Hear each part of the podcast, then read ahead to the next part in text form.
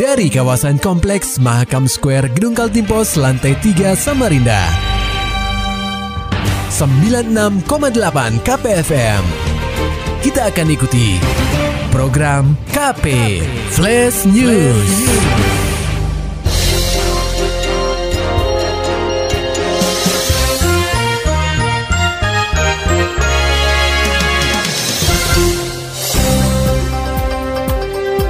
75 tahun merdeka, Gubernur Kaltim ingin Indonesia maju dan berkembang. Laporannya disampaikan reporter KPFM Samarinda, Maulani Alamin. Pendengar KP, Pemprov Kaltim melaksanakan upacara Hari Ulang Tahun ke-75 Republik Indonesia di halaman kantor Gubernur Kaltim, Jalan Gajah Mada Samarinda, Senin 17 Agustus 2020. Digelar di tengah pandemi COVID-19. Kegiatan tersebut menerapkan protokol kesehatan dan dihadiri peserta yang terbatas. Dalam momen kemerdekaan itu, Gubernur Kaltim Isra Nur menginginkan Indonesia menjadi negara maju walaupun pandemi virus corona masih melanda. Di samping itu, Isran juga berharap pembangunan di Kaltim menjadi lebih baik, apalagi benua etam telah ditetapkan sebagai calon ibu kota negara atau IKN baru.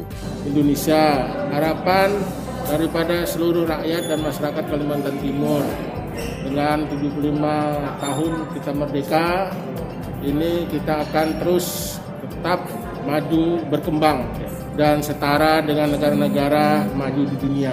Pesan agar masyarakat tetap menjaga protokol kesehatan ketika merayakan kemerdekaan juga disampaikan Wakil Gubernur Kaltim Hadi Mulyadi. Dia ingin momen kemerdekaan tidak menambah kasus penyebaran COVID-19.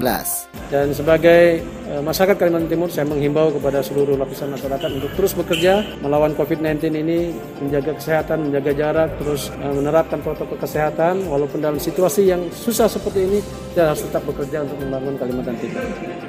Hadir dalam perayaan kemerdekaan tersebut, Gubernur dan Wakil Gubernur Kaltim, Ketua DPRD Kaltim, serta pemangku kepentingan di instansi Polri dan TNI. KPFM Samarinda, Maulani Al-Amin melaporkan.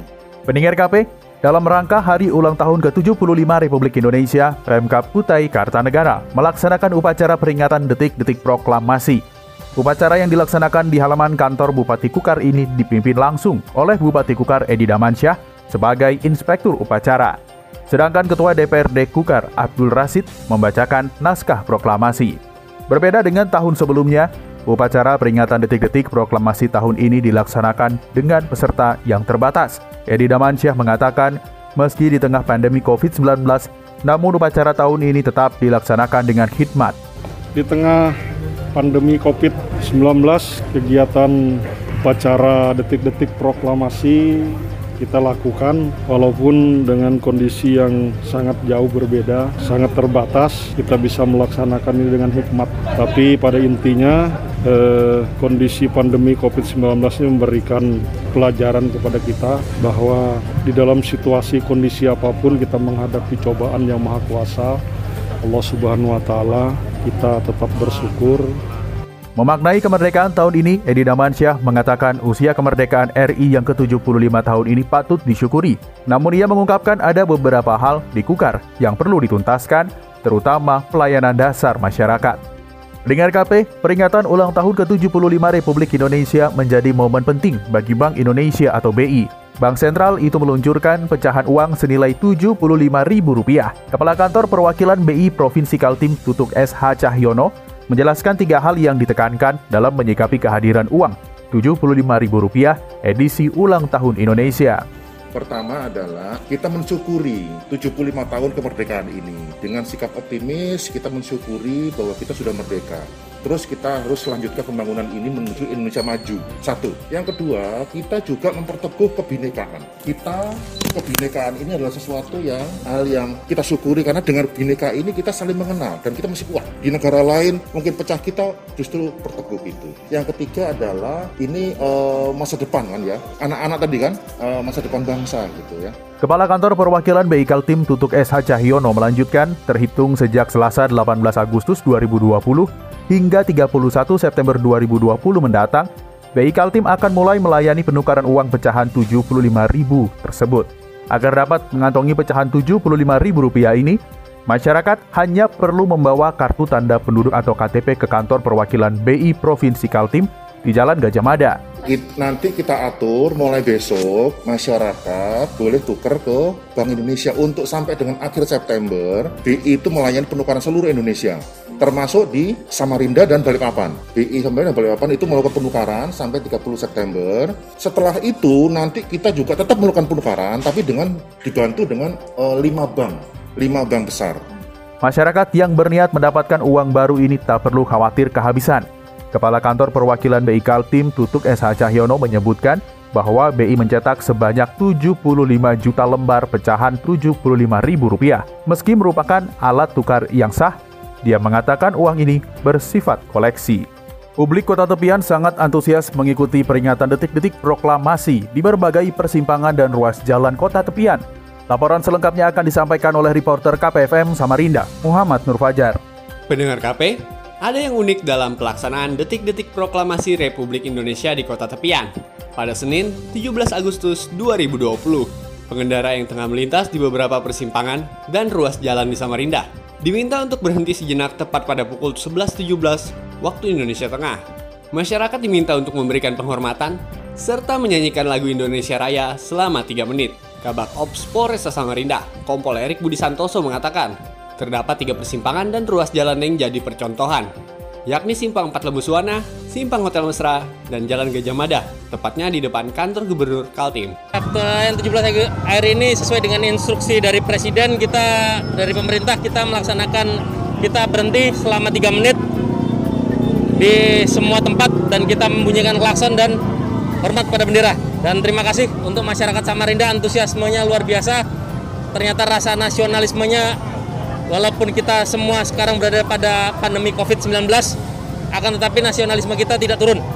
Dan bahkan mudah-mudahan ini menjadi pemicu semangat kita untuk menjadi bangsa yang besar. Erik memaparkan, tidak hanya para pengendara yang ikut terlibat dalam kegiatan ini, terdapat berbagai elemen seperti TNI dan Polri, serta unsur relawan yang turut memeriahkan acara detik-detik proklamasi. Dalam kesempatan ini, Erik juga mengapresiasi partisipasi publik kota tepian, lantaran antusiasme dan rasa nasionalismenya sangat luar biasa. Ini semua dari masyarakat yang antusias, masyarakat pengguna jalan, relawan dan semua elemen masyarakat berkumpul di tengah di pinggir jalan dan berhenti untuk menunjukkan rasa nasionalisme dan cinta tanah air. Pesan untuk masyarakat walaupun kita di tengah pandemi kita tetap harus tetap tetap jaga nasionalisme kita, tetap jaga tetap dengan protokol kesehatan dan percayalah kita akan menjadi bangsa yang besar setelah kita bisa bisa lepas dan bisa kita lewat dari badai pandemi ini. Erik mengharapkan, meski di tengah pandemi COVID-19, seluruh masyarakat bisa menjaga semangat nasionalismenya dan mematuhi protokol kesehatan agar bisa merdeka dari badai pandemi yang kini menerpa seluruh dunia. KPFM Samarinda, Muhammad Nur Fajar melaporkan.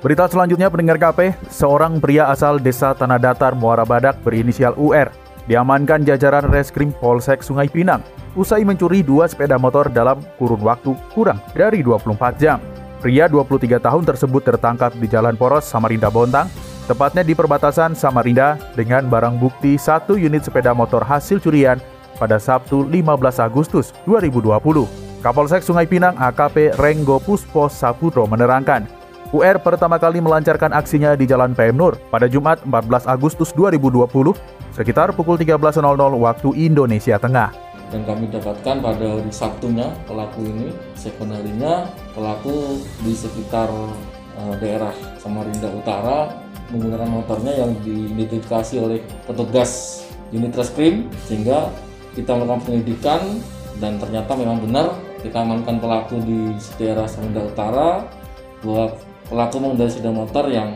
sepeda motor itu sudah dilaporkan di Polsek Singa Pinang atas tindak pidana curanmor. Tidak hanya satu kali menjalankan aksinya, usai berhasil membawa kabur kendaraan korbannya, pelaku kembali mengincar sebuah sepeda motor di kawasan Jalan Jakarta. Namun Rega beserta jajarannya belum bisa menemukan barang bukti sepeda motor tersebut lantaran telah dibuang oleh pelaku saat kehabisan bahan bakar. Pelaku ini, sementara pelaku dari keterangan sudah melakukan satu hari dua TKP dan yang kita berhasil mengamankan satu TKP di Jalan Jakarta tapi yang berhasil kita amankan baru di TKP yang di PM untuk yang motor itu ditinggal di jalan keterangan dari pelaku sehingga kami masih kesulitan mencari barang bukti yang satu motor lagi. Kenapa ditinggal itu dan? Kehabisan bensin. Jadi satu kawan tinggal di pinggir jalan. Rengga menjelaskan berdasarkan hasil penyidikan, diketahui bahwa pelaku melancarkan aksinya seorang diri. Dia rela untuk berjalan kaki guna mencari korbannya yang lengah. Dari tangan pelaku juga polisi menyita barang bukti satu unit Honda Vario dengan nomor polisi KT 3958 OZ. Kalau waktu beraksi sendiri jalan ya? Jalan kaki atau Jalan gimana kaki dia? Sementara kita masih informasi dia jalan kaki. Hmm, Jalan kaki mencari. Mencari ini. cari uang. Ya, Kalau itu kan ada pengakuannya sudah berapa kali kan? baru ini, baru ini dia. Baru dua, Dua TKP satu kan, hari, dua TKP TKP itu. dia. Ya. Kini, UR telah mendekam di sel tahanan Polsek Sungai Pinang. Atas perbuatannya, UR akan dijerat dengan pasal 362 KUHP tentang pencurian dengan ancaman kurungan 5 tahun penjara. Maulani Alamin, Muhammad Nur Fajar, KPFM Samarinda. Demikian tadi telah kita simak rangkaian berita-berita yang terangkum dalam program KP Flash News. Persembahan dari 96,8 KPFM. Terima kasih dan sampai jumpa.